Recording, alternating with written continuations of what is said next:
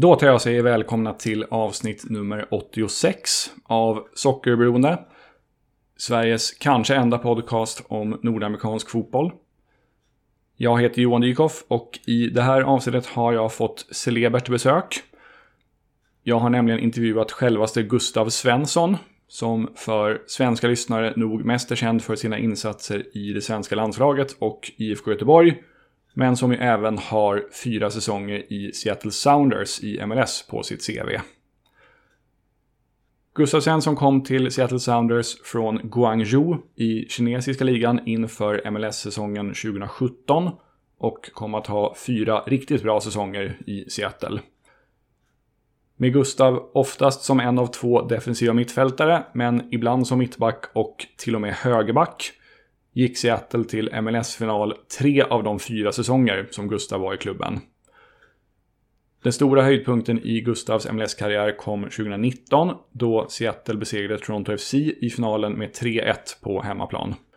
Och därmed tog Seattle hem sin andra MLS-titel någonsin. Efter pandemisäsongen 2020, då Seattle förlorade MLS-finalen mot Columbus Crew, valde Gustav att lämna Seattle.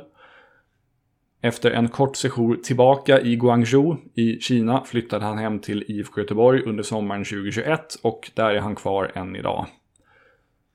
Totalt blev det 103 MLS-matcher för Gustavs del, inräknat slutspel, och på de matcherna gjorde han 7 mål och 9 assists. I den här intervjun pratar vi förstås så gott som uteslutande om Gustavs tid i MLS.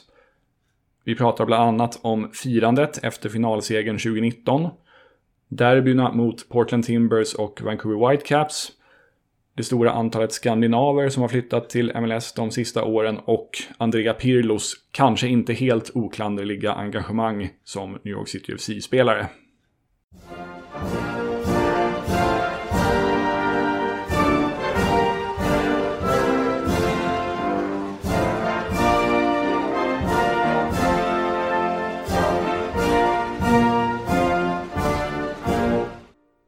Till att börja med, om vi går tillbaka till typ årsskiftet 16-17 och innan din flytt till Seattle blev klar. Eh, kan du berätta lite grann var du befann dig i karriären då och varför det var aktuellt med ett klubbyte för din del?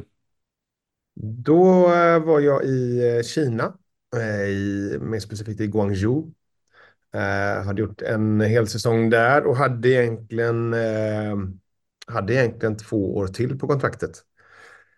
Eh, och vi höll på att planera och eh, eh, pratade om en förlängning där. Men sen så bytte de eh, eh lite regler i Kina under den tiden där, i eh, det årsskiftet. Eh, till hur många ut, utlänningar man fick ha i klubben. och helt plötsligt så blev jag lite överflödig då. Med tanke på att man fick bara ha jag tror det gick från fem stycken i truppen till tre stycken totalt mm. på plan eller på, i bänken, på bänken. Eh, och då hade vi ju tre stycken brassar som sprutade in mål där.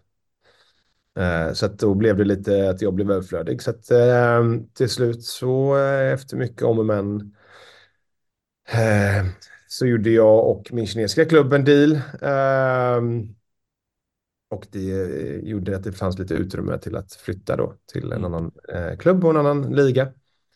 Uh, och jag, uh, jag har alltid velat spela i MLS. Eh, jag hade nästan, när jag började spela så hade jag nästan tankar på att jag skulle vilja avsluta i MLS på något sätt.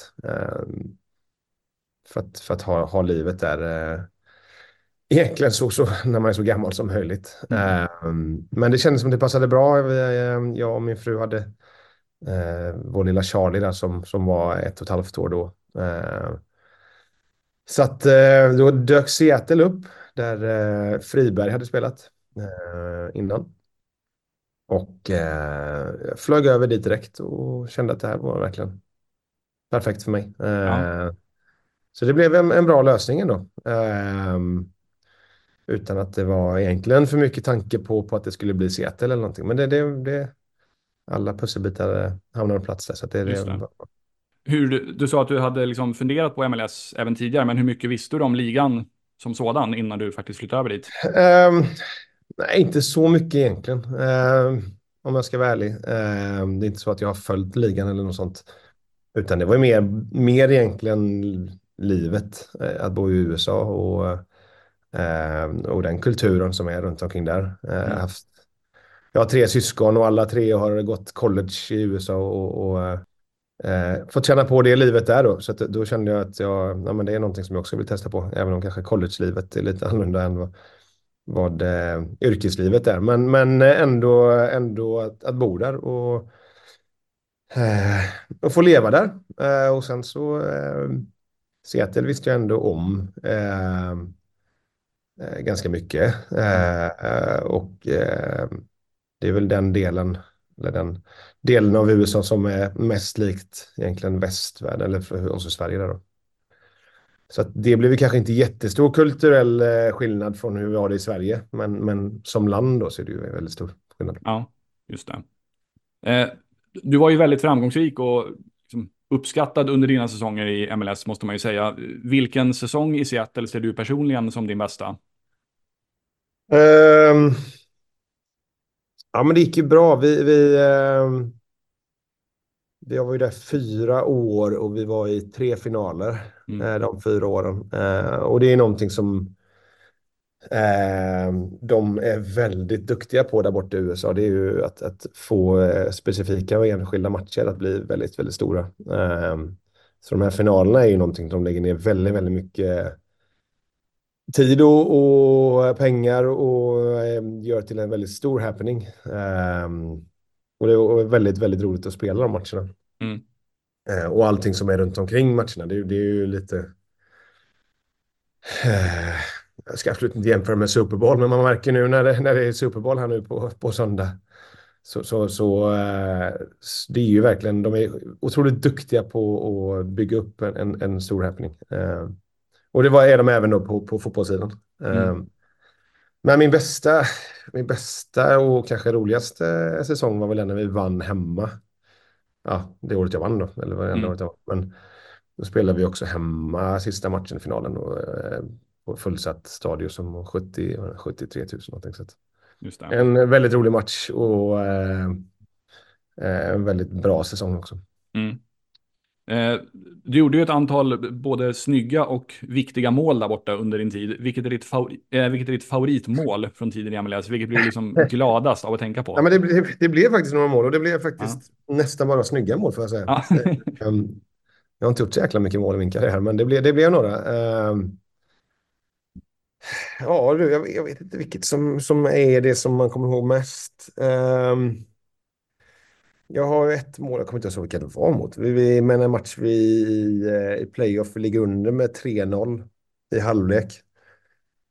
Eh, och lyckas vända till 4-3 och jag gör 3-3 målet på, på en hörna med, med en liten flick i första, eh, första stolpen. Um, var det mot Minnesota under pandemisäsongen? Var Minnesota, så var det. Ja. Eh, det var liksom euforin där runt den matchen och det, det som blev en otroligt, eh, otroligt bra stämning. Eh, från att vi ligger under med 3-0 till att vi, där blev vi 3-3 målet och sen så vann vi 4-3 sen. Mm. Eh, så det var, det var ett, eh, liksom, ja, kanske inte det snyggaste målet, men det var ett, var ett, ett, ett, ett, ett bra mål. Ja, verkligen. Ni vann ju ligan eh, 2019 där, eh, efter att ha slutat tvåa i Western Conference, Western, i grundserien ska sägas, eh, 16 poäng efter LFC som var helt överlägsna i grundserien det året. Eh, men sen spöade ni dem i konferensfinalen och sen som sagt spöade ni Toronto i MLS Cup-finalen. Skulle du säga att 2019-upplagan av Seattle var den bästa som du spelade med? Um, ja, men det skulle jag nog säga faktiskt. Um, det var väl då vi ändå...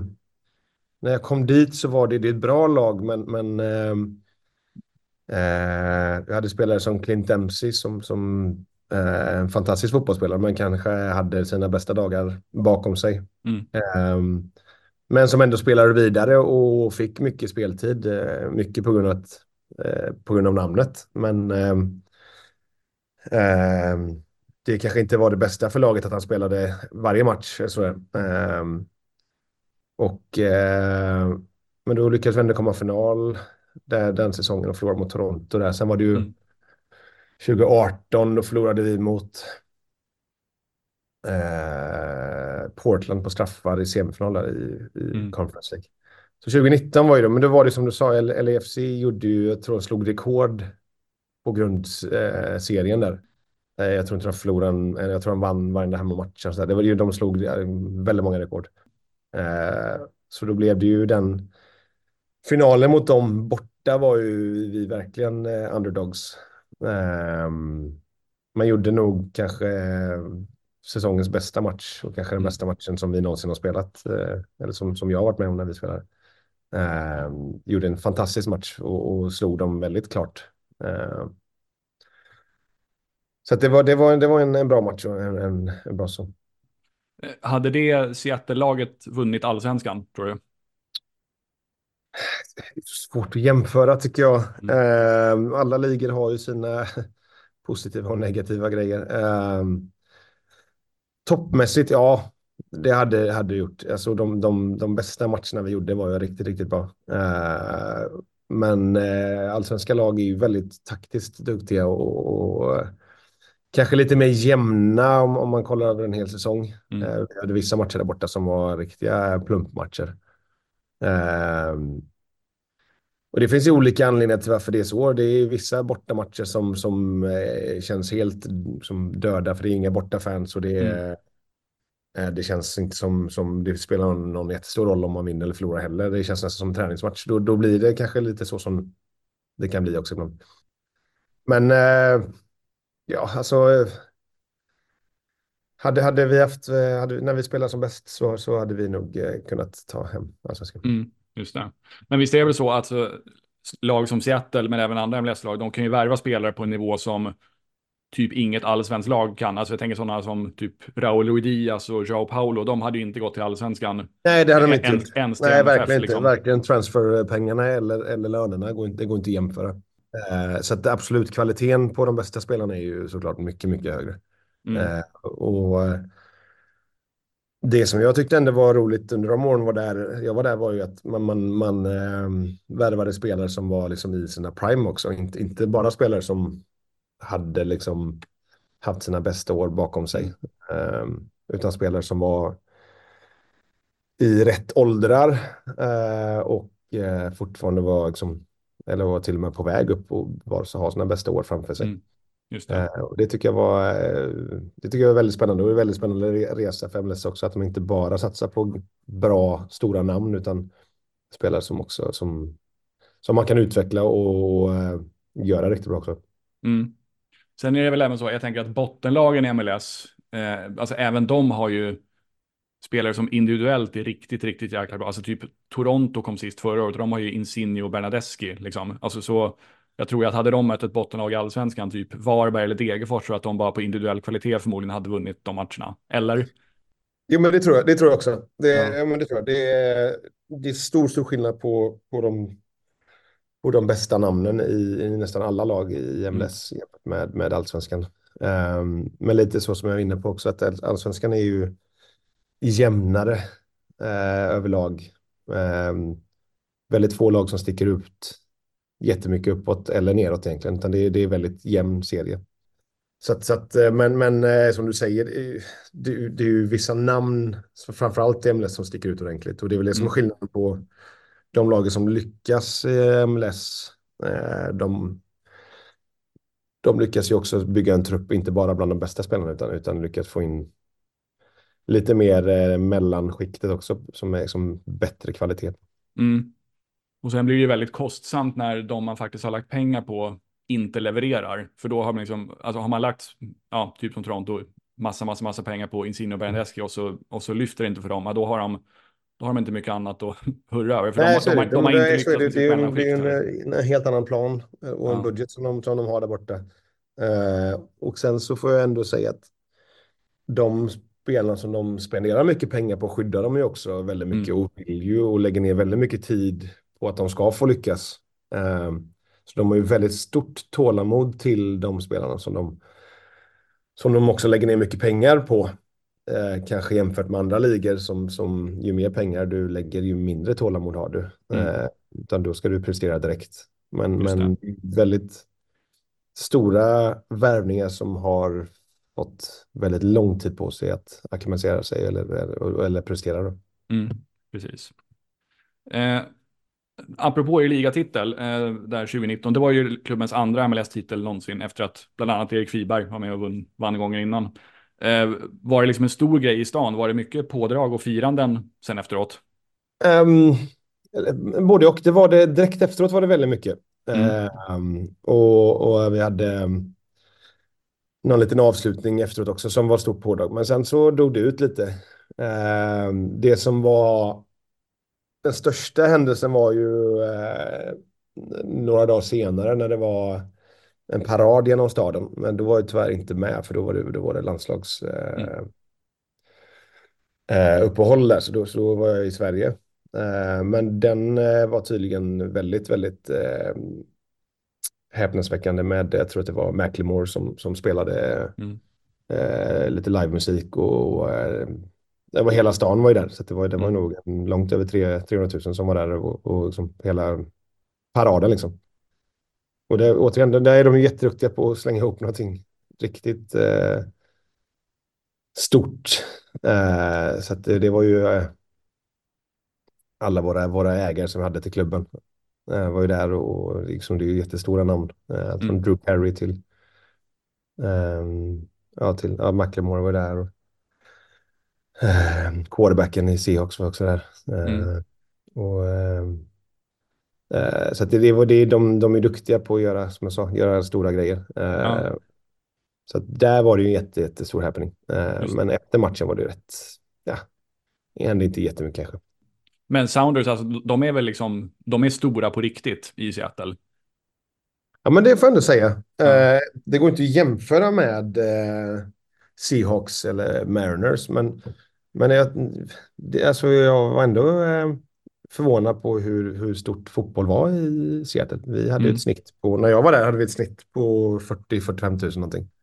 Eh, alla de fyra åren, förutom sista året när det var pandemin, men annars så hade vi ett jätte, jättebra snitt och jättebra eh, eh, tryck på arenan och det var väldigt mycket happening eh, ut, alltså, runt omkring fotbollen också. Det var um, mycket större än vad jag trodde det skulle vara.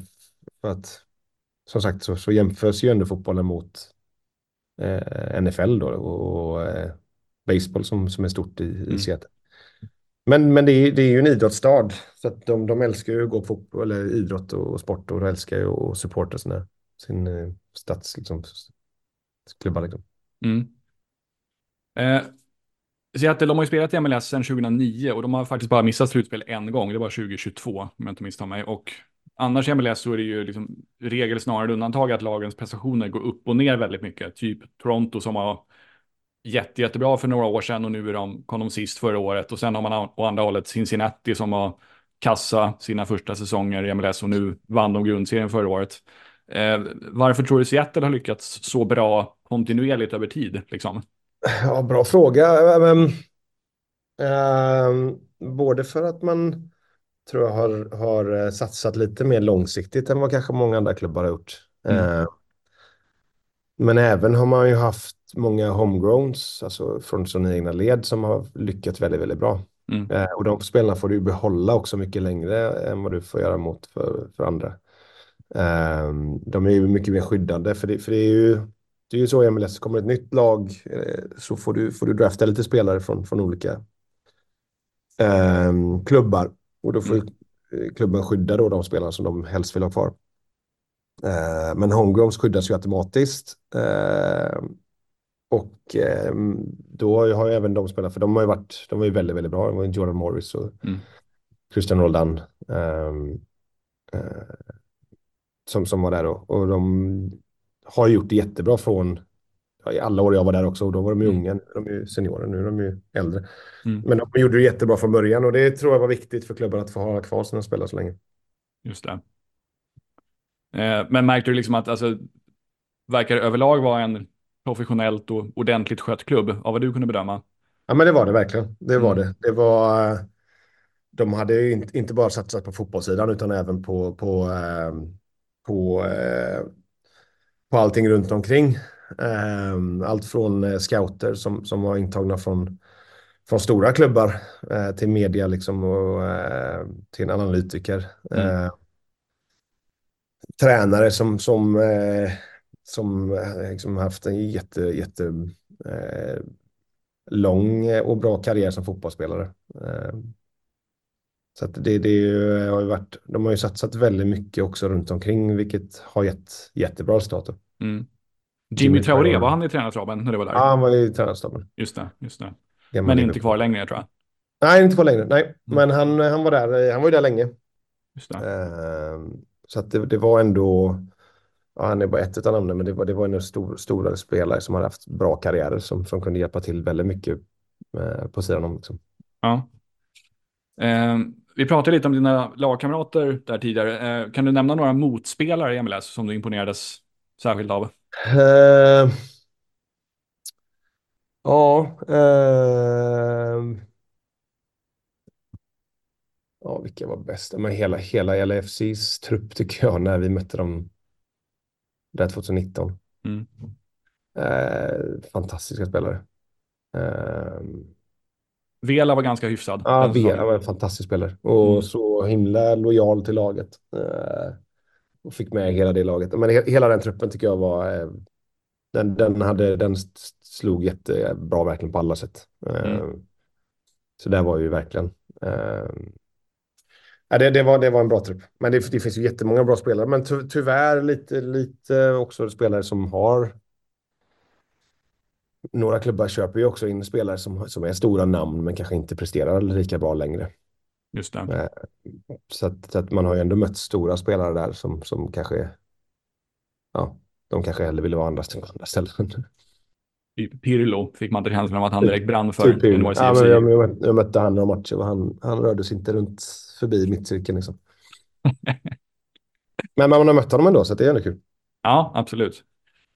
Um, ska vi se, det där har ju sitt program frågat om. Jo, just det, men när ni spelade, eh, apropå nordväst-USA, när ni spelade liksom derbyn, eller vad man ska kalla det, mot Portland och mm. Vancouver, var det tydligt mer intensitet och rivalitet då jämfört med om ni mötte liksom Chicago eller New England eller något sånt i sin konferens? Ja, det var det, framförallt, framförallt Portland mm. eh, var ju ändå rivalitet. Sen, det går inte att jämföra riktigt mot rivalitet i andra ligor på samma sätt. Eh, det finns ju som ingen riktigt...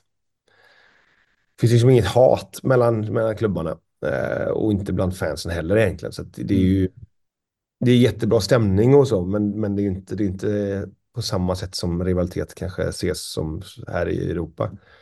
Eh, med det sagt så, så är det ju jättebra stämning och eh, eh, båda klubbarna bjuder ju ändå till ordentligt mycket och, och fansen och allting för att, för att liksom, eh, skjuta på den här eh, rivaliteten som finns. Mm. Eh, och liksom vill ju verkligen eh, visa att vi ska slå de här.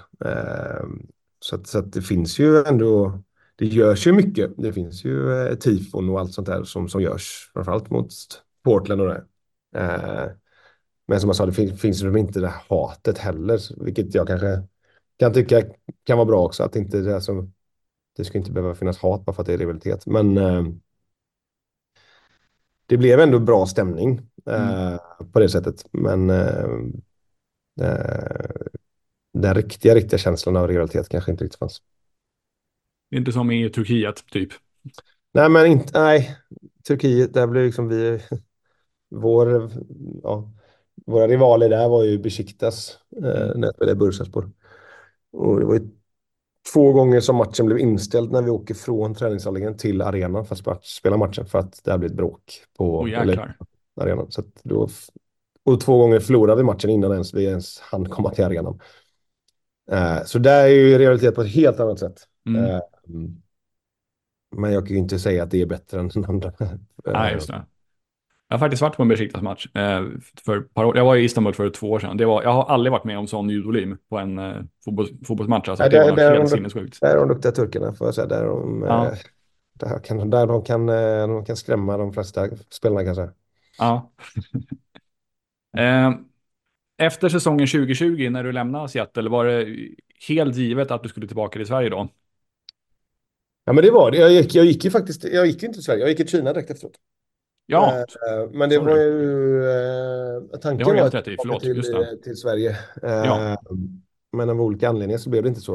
Eh, Mm. så då eh, ville min gamla klubb från Kina då, som jag gick till innan, eh, som jag var innan jag gick till, eh, till Seattle, ville ha tillbaka mig. Mm. Eh, så att det blev en, en snabb, eh, snabb lösning att åka dit istället. Och så var där ett halvår bara och så efter, efter EM så, så eh, fick jag, då jag till Sverige istället. Så, Men eh, tanken var ju tanken var ju eh, från början egentligen kanske att vara kvar lite längre i MLS. Mm. Eh, men eh, kände väl att nej, men det får räcka liksom. mm. ah, Okej, men det, det fanns ändå på kartan, liksom, ifall Inter Miami hade ringt, det hade inte, då hade du inte sagt kategoriskt nej bara. Nej, men vi trivs jättebra i USA. Eh, det gjorde vi faktiskt. Eh, både jag och min familj trivdes jättebra. Eh, Mm. Min dotter som är född eh, i Seattle. Och eh, vi levde ett jättebra liv där nere, eller där borta. Och trivdes jättebra. Så att det var ju ändå lite, lite blandat sen när man, när man ändå, när vi valde att eh, börja packa. Och det är ju någonting som det är så himla långt bort så det är inte så att man packar ihop på en kvart liksom. Så att vi börjar väl packa någon gång i mitten på säsongen. Då börjar man liksom Mm. börja forsla med grejer hem tillbaka. Då får hon spela för amerikanska landslaget, ifall det blir aktuellt, i och med att hon är född i USA. Det får hon göra. Det kan Ja. hon göra. Det kan hon göra. Det kan, Ja. kan försöka träna upp henne för det. ja. Eller Eh, svenska. Det tror jag ja. För min del hellre svenska. Det förstår jag, det förstår jag. Hur mycket följer du MLS i allmänhet och Seattle Sounders Uh, med Seattle idag? följer jag ändå en del. Mm. Eh, mm, MLS, nej inte alls så mycket. Eh, Seattle, det är lite synd. De är ju i Marbella här nu och vi är i Portugal. Eh, lite synd, för vi har alltid, på tränings, vi har alltid åkt på träningsläger. När jag var i USA så åkte jag alltid till Arizona. Mm. Men Nu två år i rad har de varit i Marbella. Det var kul att vara där och hälsa på dem och, och träffa dem igen. Men Mm. Jag, föl- jag följer ändå några matcher. Eh, framförallt nu när de är här så, så, så ser jag ju deras matcher när de spelar. Det blir ju lite tacksammare avsparkstider nu i kommande säsong av MLS. Förra året var det ju bara, var ju typ alla matcher avspark mitt i natten. Ehm, men det ändrar de till nu årets säsong. Så nu kommer det vara matcher som har avspark liksom 6-7 svensk tid på Okej. kvällen. Det är jävligt tacksamt, slipper man sitta Ja, upp hela natten. Nej, det, det har ju varit det är ju problemet annars. Det Ja, är ju problemet för alla mina nära och kära när de skulle liksom försöka följa mig från Sverige. Att sätta klockan mitt i natten och, och kolla på fotboll. Det är inte så jävla tacksamt kanske, eller roligt. Nej. Ehm, nej, men det visste jag inte ens att de hade. Okej, det, så det är ändrat för att försöka få lite mer publik då kan jag tänka mig. kan vara en viss argentinare i Miami som har bidragit till det Kan ha, kanske. kan ha med det att göra. Ja. Det var inte så att de ändrade tiden när jag flyttade dit i alla fall. Det var inte ens på tal. Ja. Apropå Messi och sådär, och vi pratar om Dempsey och de här stjärnspelarna. Är, är det överlag så att det är tydlig särbehandling av dem i, i laget? Ja, men det är det. det Mm. oh ja, det, det är det. Eh, både in, inne i klubben och eh, runt ligan också. Eh, jag tror att det var mitt andra eller tredje år där som de, som de ligan bestämde att, att försöka skydda deras bästa spelare på ett sätt. Så att, så att de gick ut och sa att de har eh, gett domarna lite andra regler för det här året då. Att om du systematiskt sparkar ner deras liksom, bästa spelare så kan domaren lättare ge gult kort till motståndaren. Okej. Eh, för att försöka skydda deras bästa spelare. Och det, Ja. man, det var väl inget kanske som, som jag tyckte var så jättebra med tanke på att det är halva mitt spel att sparka ner de andra. Ehm, men eh, det, det var ett sätt, det är ett sätt för att, skydda deras investeringar. Det är ju liksom ligan som investerar i spelarna. Eh, så det är klart att de vill att de ska vara så bra som möjligt.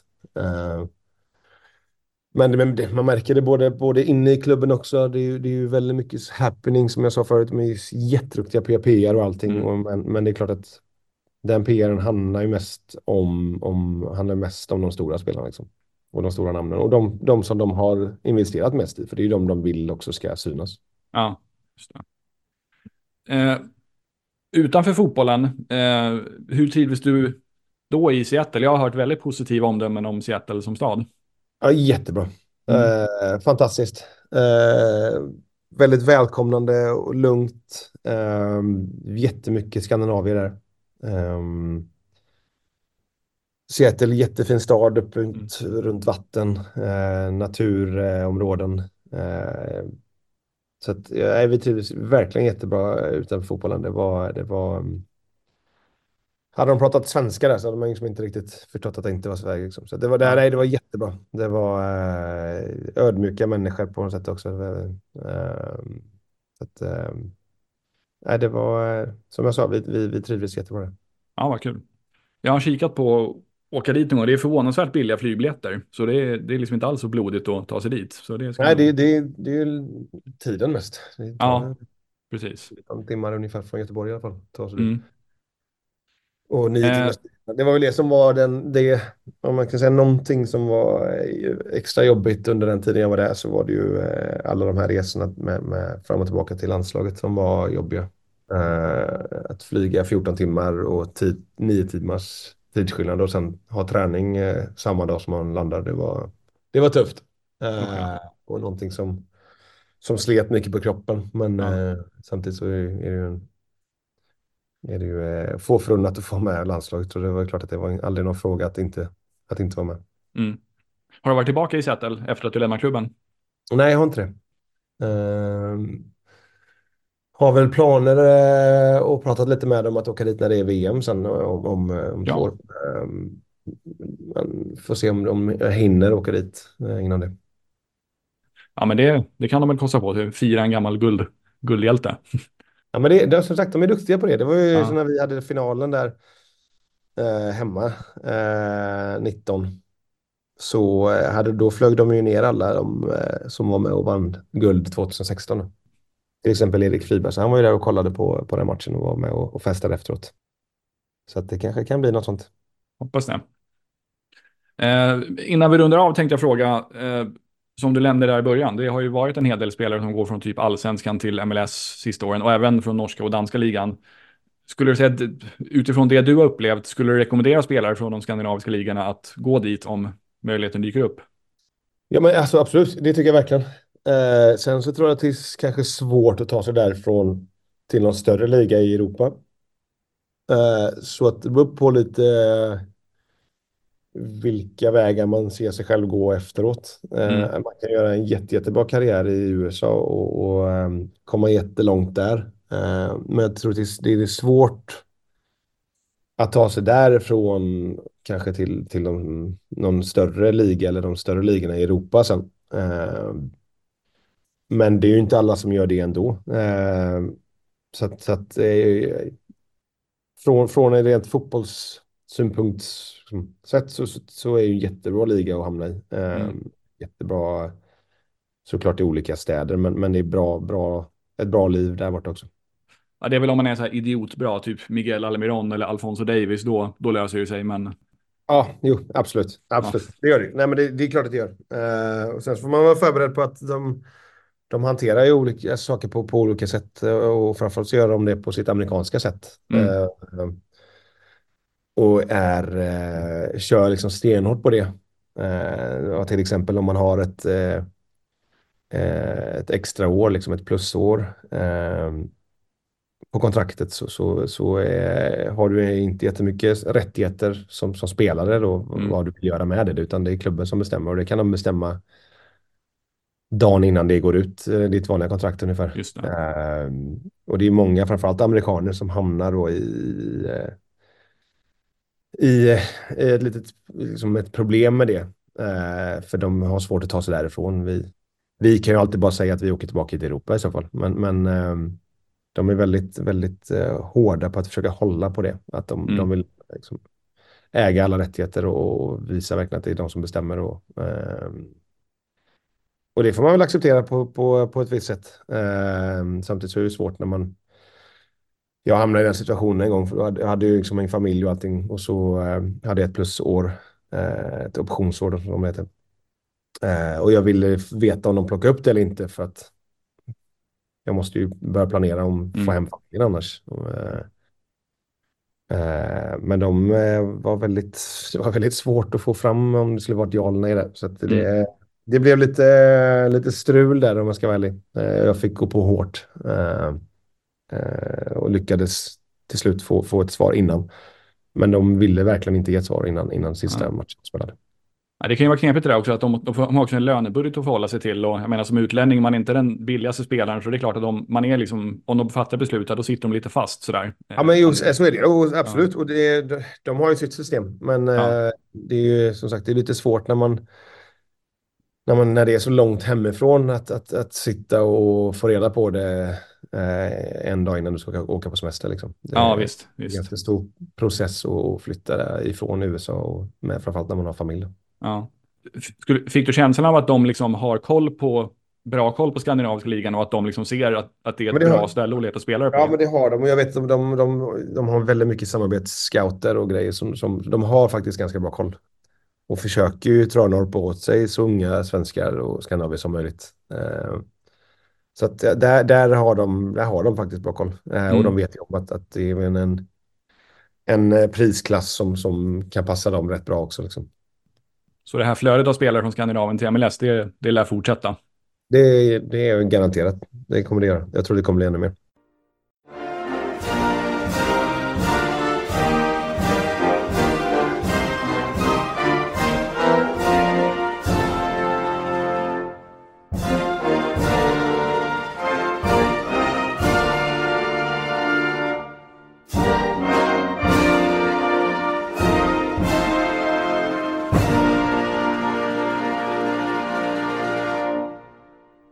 Sådär ja, då tar vi och tackar Gustav Svensson för att han tog sig tid att ställa upp på den här intervjun och vi önskar honom allt gott framöver.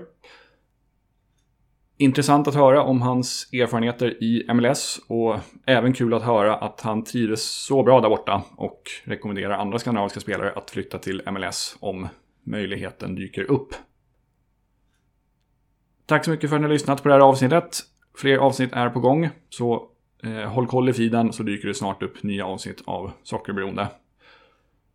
Ta hand om er så hörs vi igen framöver. Ha det fint. Tja tja.